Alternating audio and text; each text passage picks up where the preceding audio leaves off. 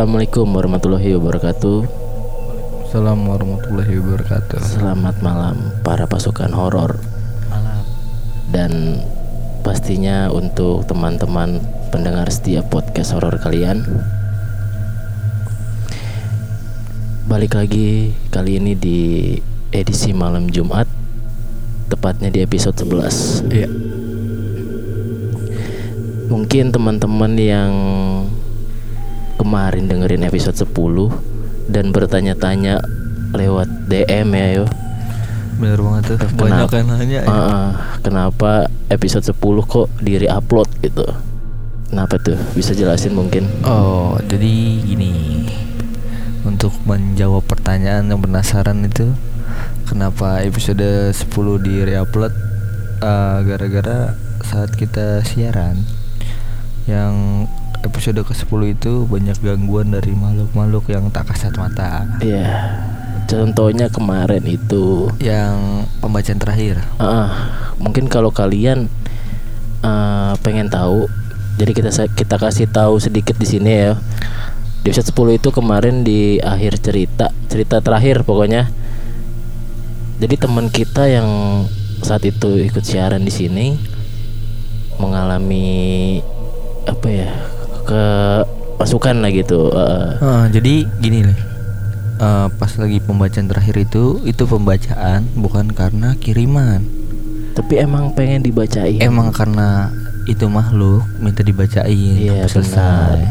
Jadi teman kita ini langsung nulis ceritanya itu di studio Hari itu juga. hari itu juga. uh, Karena dia ngeliat minta diceritain. uh, benar banget tuh. Jadi kita ketika kita udah bacain cerita dari teman kita ini setelah siaran ditutup, Pas banget Pas selesai banget ya. cerita itu masih belum nutup belum eh, nutup episode. Akhirnya gue yang nutup kan. iya. Nah, ketika kita kan kalau siaran ini kan di studio lampu kita matiin ya, weh. Oh benar. Pas kita udah nyalain lampu, nah itu baru tuh teman kita tuh kemasukan. Ya, jadi begitu deh. Pas kita besokannya kita editing suaranya nih untuk Itu- kita masukin ke Spotify ya, weh. Sebelum dimasukin pas proses editing itu banyak suara-suara Nah, bener tuh, suara-suara anak kecil, cewek. Mungkin kalau kalian teliti dengerinnya ya, fokus gitu. Heeh. Kalian dengerinnya di tempat yang sepi dan kalian sendiri gitu fokus. Mungkin kalian bakalan denger. Itu nggak dipotong kan suara yang suara goib itu kan? Eh, ada ya? Masih ada ya? ya? Masih ada. Ada, suaranya masih ada tuh. Masih ada. Kalau kalian teliti, cuma kita nggak bisa kasih tahu di menit berapa ya, karena kita juga lupa. Karena itu wah malam yang panjang ya menurut kita ya. ah, benar banget. Eh, semoga aja sih, ya gimana ya, bukan kalau kita bawain cerita kayak gini sih. Eh, tadi dulu. Tapi di situ ada yang menarik. Kejadian episode ke-10 itu ada yang menarik. Karena di situ makhluk tak kasat mata itu dia ngejelasin. Ternyata bener. Kalau makhluk halus itu, makhluk goib itu, setan yang namanya setan itu. Bulan Ramadan itu portalnya ditutup. Nah, iya, iya benar-benar. masuk ke dunia manusia. Kita mungkin kalau sempat videoin kemarin ya, Benar. atau kita rekam itu, Pas gua jadi tanya-tanya jujur, itu. jadi ketika kita dia lagi kemasukan teman kita ini, kita tanya dan ketika lagi tanya-tanya dia dia bilang sendiri kalau jadi kita tuh siaran kan besokannya itu eh paginya sahur ya eh Paginya subuhnya sahur. dia bilang besok udah nggak bisa lagi masuk ke ke tubuhnya ini karena besok udah ditutup portalnya katanya dari mungkin dari dunia dia ke dunia kita eh Nah, setelah uh, rayu merayu tuh gue negosiasi akhirnya dia mau Iya, akhirnya mau keluar ya. Jadi itu sih info buat teman-teman ya. eh, kalau yang bilang percaya atau masih yang bingung setan tuh kalau bulan puasa dikurung apa enggak sih? Ya kita kalau kita sih percaya Kalau- karena iya kalau kita di yang studio ini pasti percaya, percaya, karena yang ngomong langsung ya dari dunia Itu. dari dunia mereka yang ngomong langsung itu. Jadi gitu. Jadi gitu di episode 10 kemarin kenapa re-upload karena yang tadi kita jelasin. eh oke. Eh, kita bacain cerita kiriman.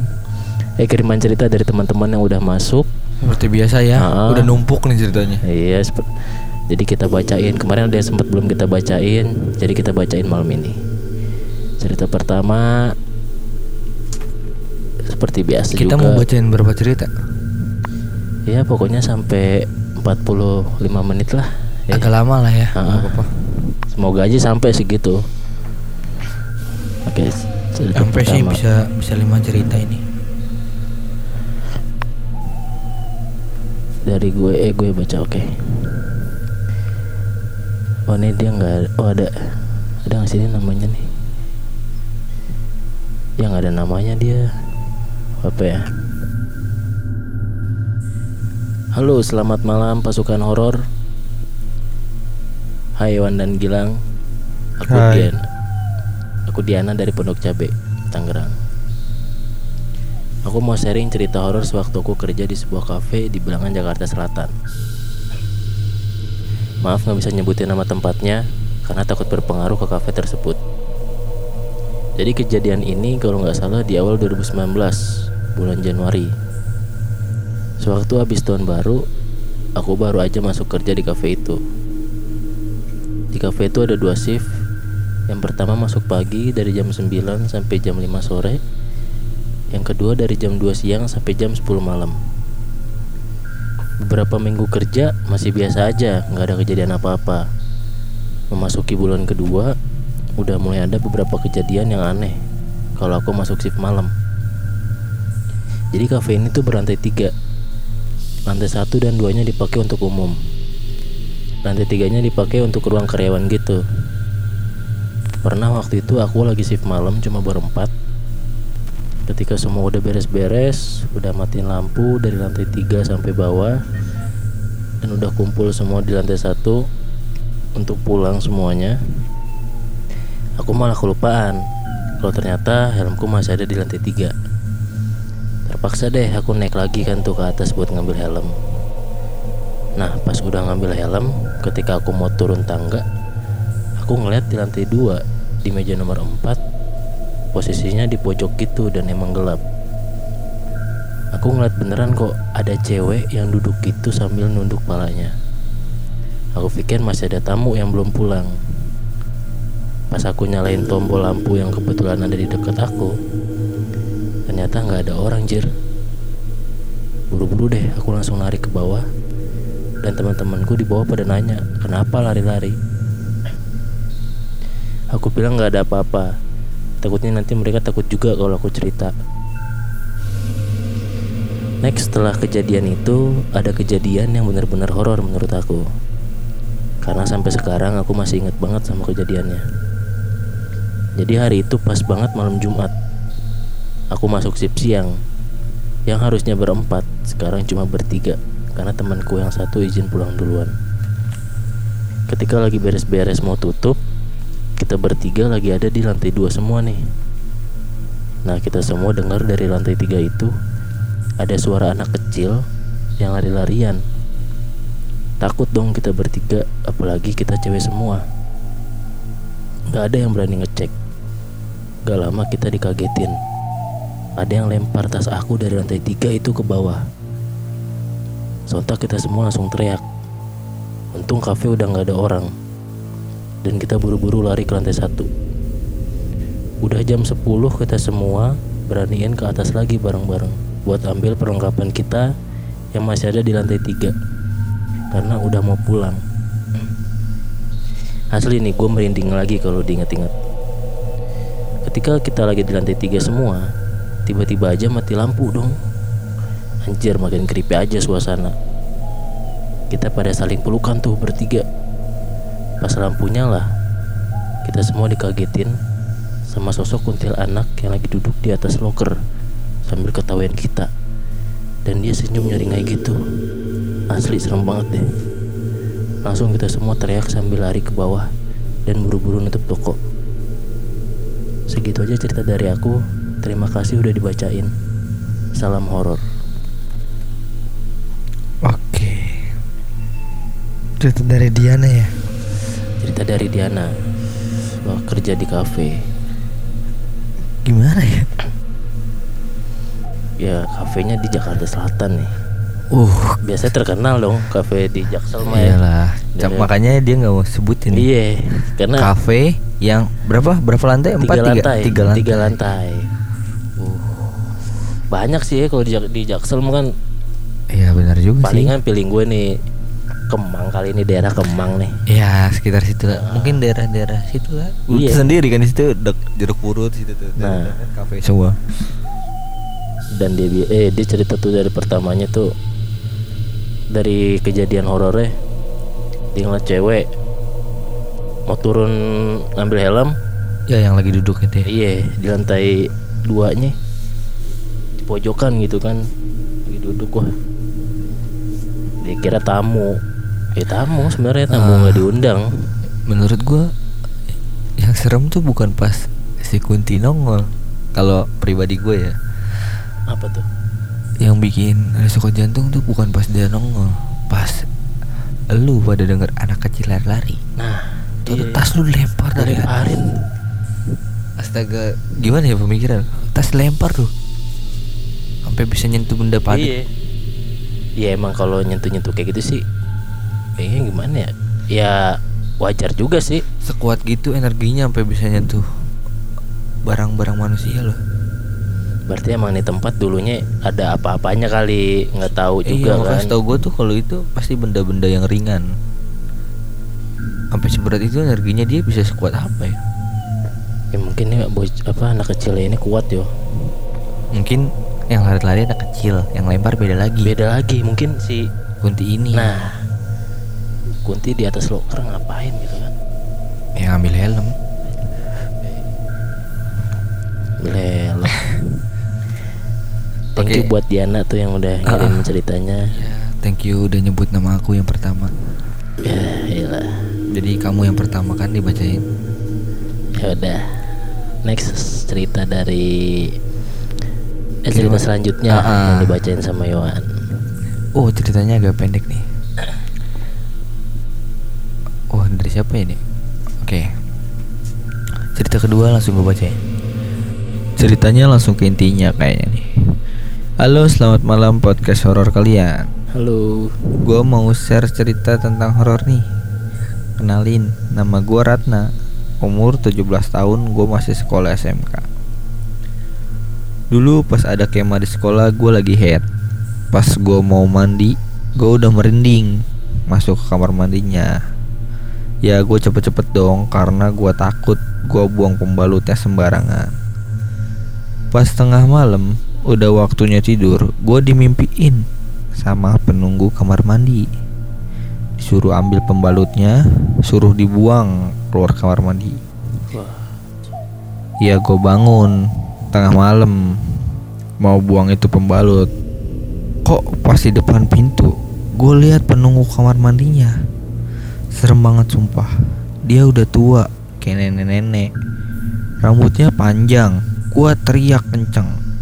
Untung ada kakak pembina gua yang bantuin gua untuk pergi dari kamar mandi itu. Gua disuruh nerusin tidur karena udah malam banget, udah jam 1 Gua tidur tapi gua kayak ada yang ganggu-ganggu Sampai gua kesurupan nenek-nenek itu Gak mau keluar dari tubuh gua. Katanya gua udah sembarangan buang itu pembalut Sampai akhirnya subuh. Dan alhamdulillah nenek-nenek itu keluar dari tubuh gue. Ya sampai sekarang gue kalau lagi head takut buat ke kamar mandinya. Dan gue kalau lagi head suka diganggu gitu. Entah gue lihat sosok baju putih ke kamar mandi gue Entah di mana pun kalau gue lagi head gue diganggu Buat kalian para cewek jangan buang itu pembalut di sembarangan tempat Ya karena setiap tempat pasti ada penunggunya Sorry, gue ceritanya belepotan karena baru pertama kali cerita di sini. Sukses terus masuk podcast horor kalian dan tim. Thank you. Oke Ceritanya agak singkat ya, tapi Singkat. ada pesannya juga Iya. langsung ke intinya Ah, di ceritanya. Bagus bagus bagus Jadi ini cerita dari Ratna.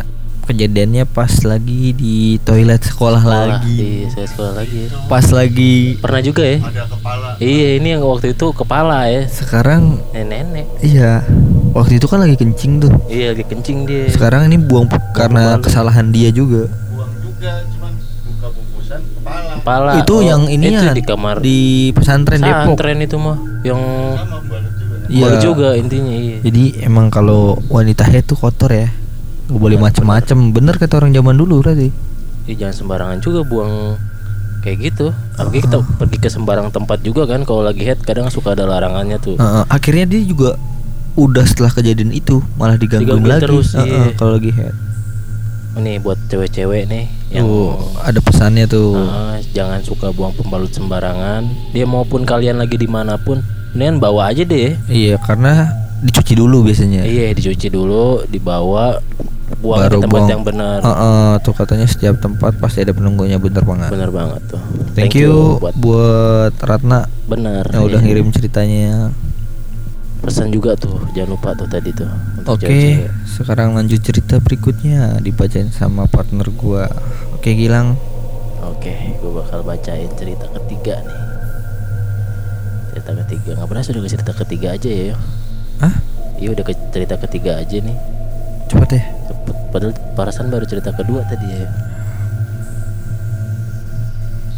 Ya, habis cerita kedua ya ketiga lah. Iya, ya udah. Ngajak berantem nih.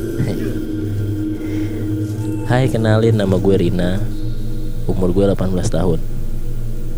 Gue adalah tipe orang yang paling gak mau diajak nonton film horor. Tapi dalam dunia nyata, gue udah gak aneh sama yang namanya hal mistis. Keluarga gue alhamdulillah banyak banget orang yang iri. Bahkan mereka sampai ngeguna-gunain ibu gue. Selama tiga tahun ibu gue sakit. Yang tadinya badannya gemuk dan sekarang jadi kurus kering. Karena itu, setiap malam Rabu dan Jumat, gue dan keluarga selalu ngedengar orang nangis, ketawa bahkan ngetuk pintu. Dan ini sih yang paling parah. Ibu gue sakit di perutnya, tapi udah ke dokter, dicek, dicek lab sehat-sehat aja bahkan dokternya bilang gini, ibu kebanyakan duit ya, nggak ada penyakit tapi pengen diinfus. Lah aneh dong. Akhirnya ada yang ngasih tahu untuk dibawa ke orang pinter. Dan ini aneh tapi nyata. Semua keluarga ikut dan di sana banyak banget orang lihat dan itu bener-bener nggak ditutup-tutupin. Semua orang lihat apa yang dilakuin dukun itu. Apa yang dilakuin ibu gue telanjang cuma pakai samping. Dan samping itu apa ya? Semacam kain kali ya. Iya. Iya, Iya, kemben kayak mungkin kemben kali ya. nah. Lu nggak tahu juga ya. Dan ibu gue perutnya disilet sampai berdarah. Kita semua ngejerit karena ibu gue juga kesakitan. Dan dalam perut ibu ada dua serpihan kaca. Diambil serpihan kacanya dan yang bikin aneh tuh itu luka yang tadi sobek. Yang tadi disobek pakai silet cuma diusap doang pakai tangannya si dukun langsung hilang dong lukanya. Aneh gak sih? Ya aneh sih. Ibu gue pernah buang air besar keluar ular. Di rumah gue sering tiba-tiba ada paku, ular, ulat bulu, hewan kaki seribu dan banyak banget. Setiap ada hewan begitu, pasti di kaki ibu gue selalu tiba-tiba kayak luka. Seakan-akan itu hewan keluar dari tubuh ibu gue. Tiga tahun diguna-guna sama orang tapi alhamdulillah sekarang sudah membaik. Segitu aja cerita singkat dari gue. Thank you podcast horror kalian. Oke. Ini kiriman dari siapa?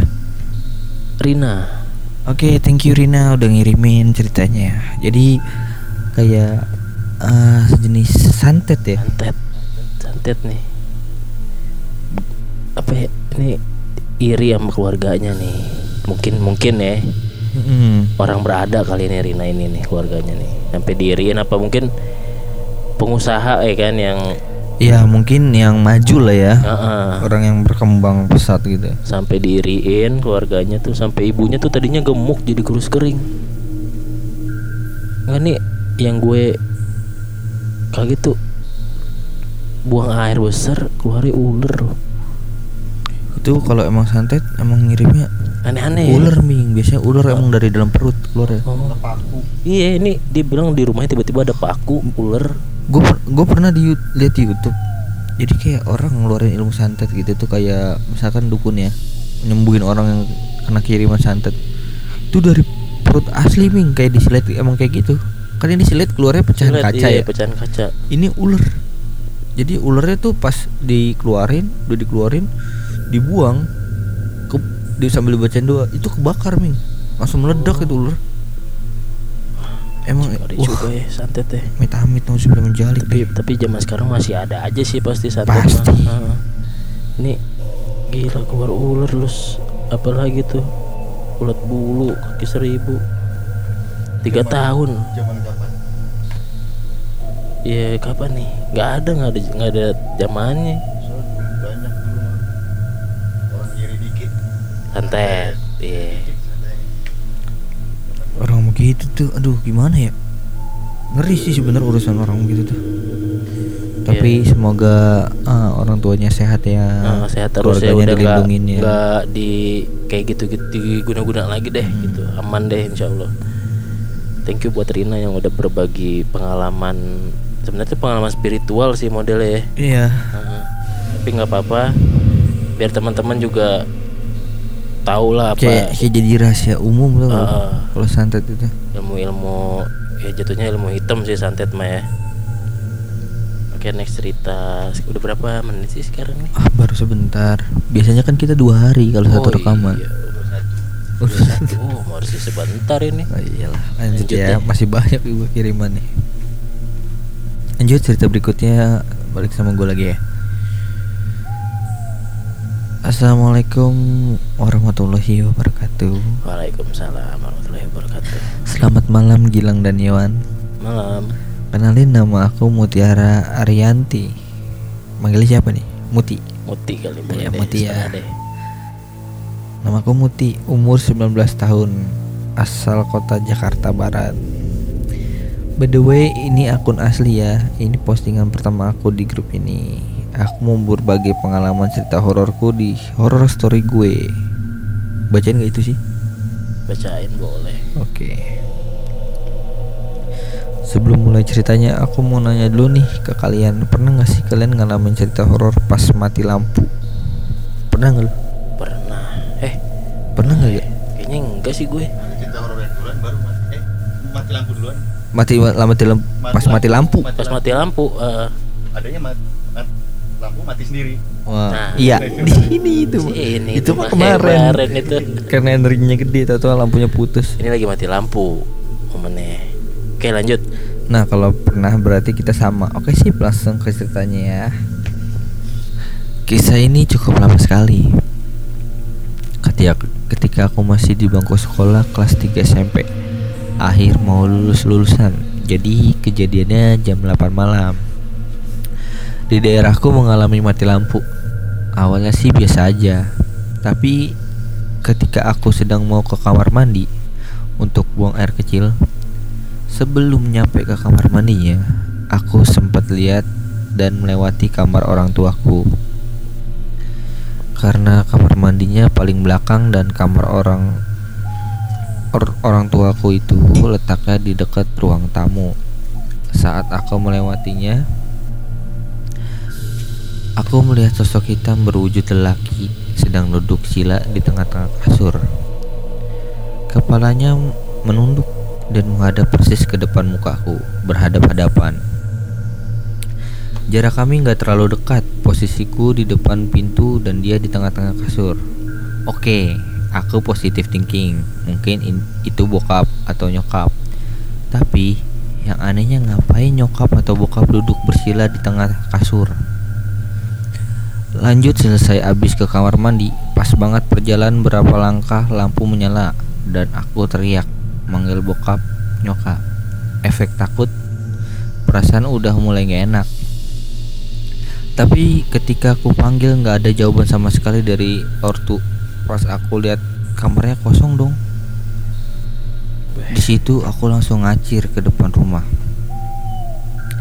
Pas banget mau keluar depan pagar, nyokap mau masuk rumah. Otomatis aku kaget dong. Berarti tadi siapa? Kalau emang itu nyokap yang di kamar kok nggak kedengeran suara pintu gerbang? Tanda kalau nyokap lagi keluar. Dan kalau itu bokap, nggak mungkin jelas-jelas bokap udah pergi sebelum mati lampu. Sekian gitu aja cerita dari aku. Thank you udah dibacain. Wassalamualaikum warahmatullahi wabarakatuh. Waalaikumsalam. Oke, singkat ya ceritanya. ya. Malam ini singkat-singkat banget loh. Singkat-singkat tapi ya gimana sih singkat-singkat sih sebenarnya enak juga ya. jadi kita tahu intinya juga Tapi gue seneng ini dia ceritanya detail waktunya. iya waktunya juga ya sampai ke dia mau ngapain-ngapain tuh dia jelasin jadi ini ceritanya tentang mati lampu Pas mati lampu. tuh teman-teman ya yang para pendengar nih mungkin kalian kalau yang punya pengalaman horor pas lagi mati lampu bisa kali kirim-kirim ke kita ya Iya. kayaknya seru juga sih kalau lagi mati lampu Karena- gitu tuh Gimana ya kalau mati lampu? Suasananya udah menegangkan dulu. iya kita bener-bener gelap banget pasti gelap banget. Ngelihat lilin aja tuh kita pantulan bayangin tembok kan suka iya parno. suka parno eh padahal bayangin kita sendiri itu loh ini dia ngelihat ada yang duduk di tengah-tengah kasur lagi sila Lagi sila itu ngapain? Iya. Disangka bokapnya bokapnya tapi udah keluar. udah keluar dari sebelum mati lampu Iya. nyokapnya baru datang pas Iya. dia keluar Nah terus nyokapnya pas masuk itu juga nggak kedengeran suara iya pagar. kedengeran suara pagar ya.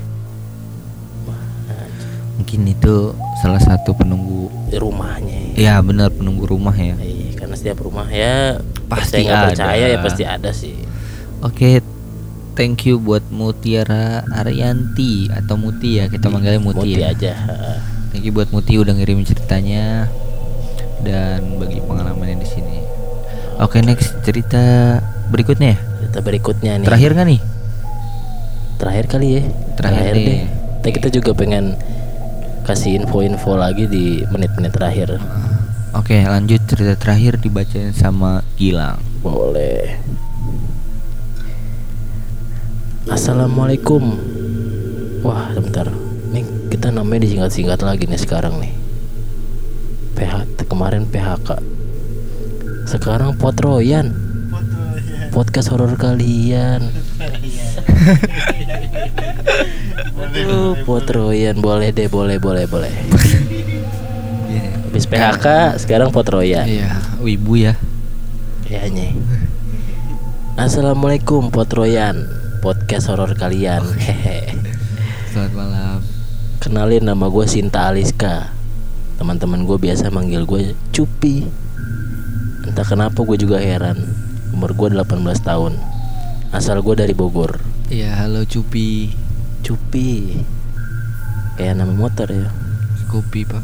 Oke, sorry. Gue mau cerita untuk pertama kali di sini tentang cerita horor gue. Oke, langsung aja ya. Waktu itu malam apa ya gue lupa. Pokoknya malam itu gue sendirian di rumah, tanpa ada siapa pun, hanya gue sendiri. Keluarga gue kebetulan lagi pada pergi semua. Gue bukan termasuk tipikal orang yang penakut sih. Sebenarnya soalnya gue emang udah biasa sendiri. Ke mana-mana sendiri. Bahkan sering pulang malam sendiri. Apalagi daerah rumah gua tuh rata-rata hutan. Gunung sama ruyuk-ruyuk gitu. Tapi gua nggak pernah ada rasa takut sedikit pun. Jadi waktu malam itu gua lagi di kamar gua biasalah main HP rebahan di kasur. Nah habis itu kakak gue VC kan nih. Video call. Nah gua angkat tuh. Habis itu gue ngobrol-ngobrol gak jelas lah pokoknya sama kakak gue. Habis itu kan kakak gue bilang gini Lu lagi sama siapa di rumah? Kata gue Gue sendiri doang teh. Terus kata dia lagi Bohong lu. Terus kata gue demi Allah gue sendirian di situ gue mulai merasa curiga. Karena emang teteh gue dari dulu bisa ngeliat yang kayak begituan. Nah terus kata kakak gue Itu deh di belakang lu siapa? Lah pas gue nengok Ternyata pocong. Gila gak sih itu? Pocong. Gue ngeliat jelas banget pakai mata kepala gue sendiri. Dia lagi di samping gue di situ gue langsung shock Gue gak bisa bangun Gak bisa ngapa-ngapain. Gue cuma nangis kejer tanpa bersuara. Gue gak berani nengok ke samping kiri gue Gue bingung di situ gue mau apa? Minta tolong ke siapa? Karena emang lagi nggak ada siapa-siapa. Tetangga juga tumbenan lagi pada sepi. Baru pertama kali gue liat begituan. Rasanya ingin menjerit tapi nggak bisa. Ya udah tuh abis itu gue coba baca-baca surat pendek. Nah baru deh di situ gue bisa gerak lagi dan rasa takut gue udah mulai hilang abis itu gue langsung pergi Oke sekian cerita dari gue men Thank you udah dibacain Salam horor Oke. Dari Jupi. Cupi Lagi video call nih Sama sama aku. Sama, sama kakaknya dong Oh, salah. Ini buat teman-teman yang di rumah sendirian Video call ya It- itu eh, video call itu salah satu hal yang gue hindarin ya kalau di rumah. Kalau lagi di rumah sendiri gitu Iya, jujur aja gue paling takut video call. Ya karena Mau kayak mau mak gue nyuruh video call nggak bakal gue angkat. ya mungkin karena takut juga kan kayak si Supi ini nih lagi video call kakaknya ngelihat di belakang lu lagi sama siapa di rumah Nah, itu dia. padahal sendiri bohong nggak deh coba lihat lagi Pas pas nengok itu loh. Tidak diduga-duga. iya pocong di kamar sendiri. iya kamar sendiri Nah, itu dia loh. Gue gue pas baca eh dengerin aja. Uh, aduh. Be- besokannya gimana gitu. Iya, kayaknya ngapain masuk kamar gua kamar lain kayak gitu kan. iya emang dia lagi dia doang kan di rumah mau gangguin siapa lagi Itu makhluk paling jahat tuh ada di kamar. Mungkin kamarnya juga apa ya berantakan kali kotor mungkin Lembab. kalau enggak emang dia tinggal di kamar itu. bisa mungkin baru ditunjukin ya momennya pas lagi sendiri di rumah Lagi ada yang video call bisa lihat. nah bener Apalagi kakaknya udah biasa Biasa ngeliat kayak yang gitu. ya gitu deh jadi kalau buat teman-teman yang video call ya lebih baik fokusin ke muka aja gitu ya langsung jangan sampai kelihatan ke belakang belakangnya yang, gitu Yang iya tuh kakaknya sampai ngapain ngasih tahu ya? iya ya kakaknya jahat nih kakaknya jahat sih asli nih Bener loh. iya ngapain dikasih tahu ya kan diem aja udah Udah biar adiknya nggak takut udah Ah. sendiri. Mungkin eh, nuraninya kakak ini insting insting asli seorang kakak tuh jahil. tapi tapi ini bener sih asli Rasain lu kakaknya kakaknya parah banget sih ini mah kan diem diem aja harusnya gitu kan. Mm-mm. biar nggak takut nih adanya di rumah sendirian. Gue temenin deh gitu. Ini dikasih tahu belak belakang lu tuh siapa? Pas dia tengok langsung Ah, pocong dong. serem asli. Maksudnya lebih serem dari jenis setan apa pun nih. Lu aja dikagetin sama orang aja lemes. lemes sih. Apalagi yang begituan. aduh itu ya sa- bersabar deh tuh tadi cupi Iya, thank you juga Cupi ya udah Ah. ngirim ceritanya ya. jangan video call lagi deh Jangan Cupi ya. deh. Kasihan nama aslinya nggak disebut. oh iya sebutin Sinta ya. Aliska. Weh, namanya cantik kan tuh Sinta Aliska Iya, ya. Masa Cupi. Cupi. Wah, parah nih yang ngasih nama julukan nih. Oke, itu eh, cerita terakhir Cerita ya. penutup ya dari kita Di di, episode, episode- 11 ini. Dan kita juga mau nginfoin ya untuk bulan puasa tadi kita udah infoin belum sih belum ya? Belum kayaknya ya. Pertama itu belum ya.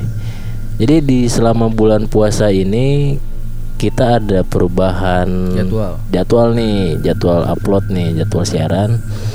Biasanya kita di bulan-bulan biasa kemarin itu malam Kliwon dan malam Jumat.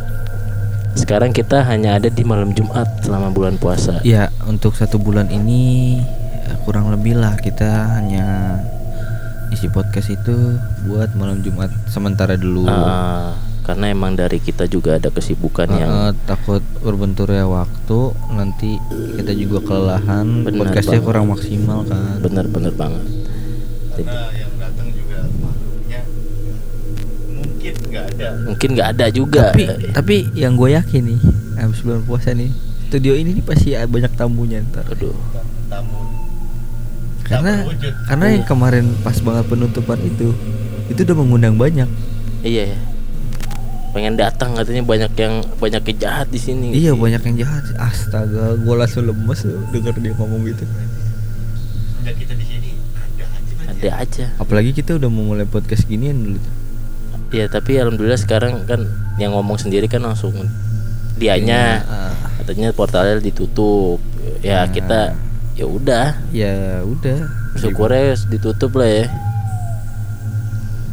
Nah, ya segitu aja nih malam ini untuk episode 11 Hmm.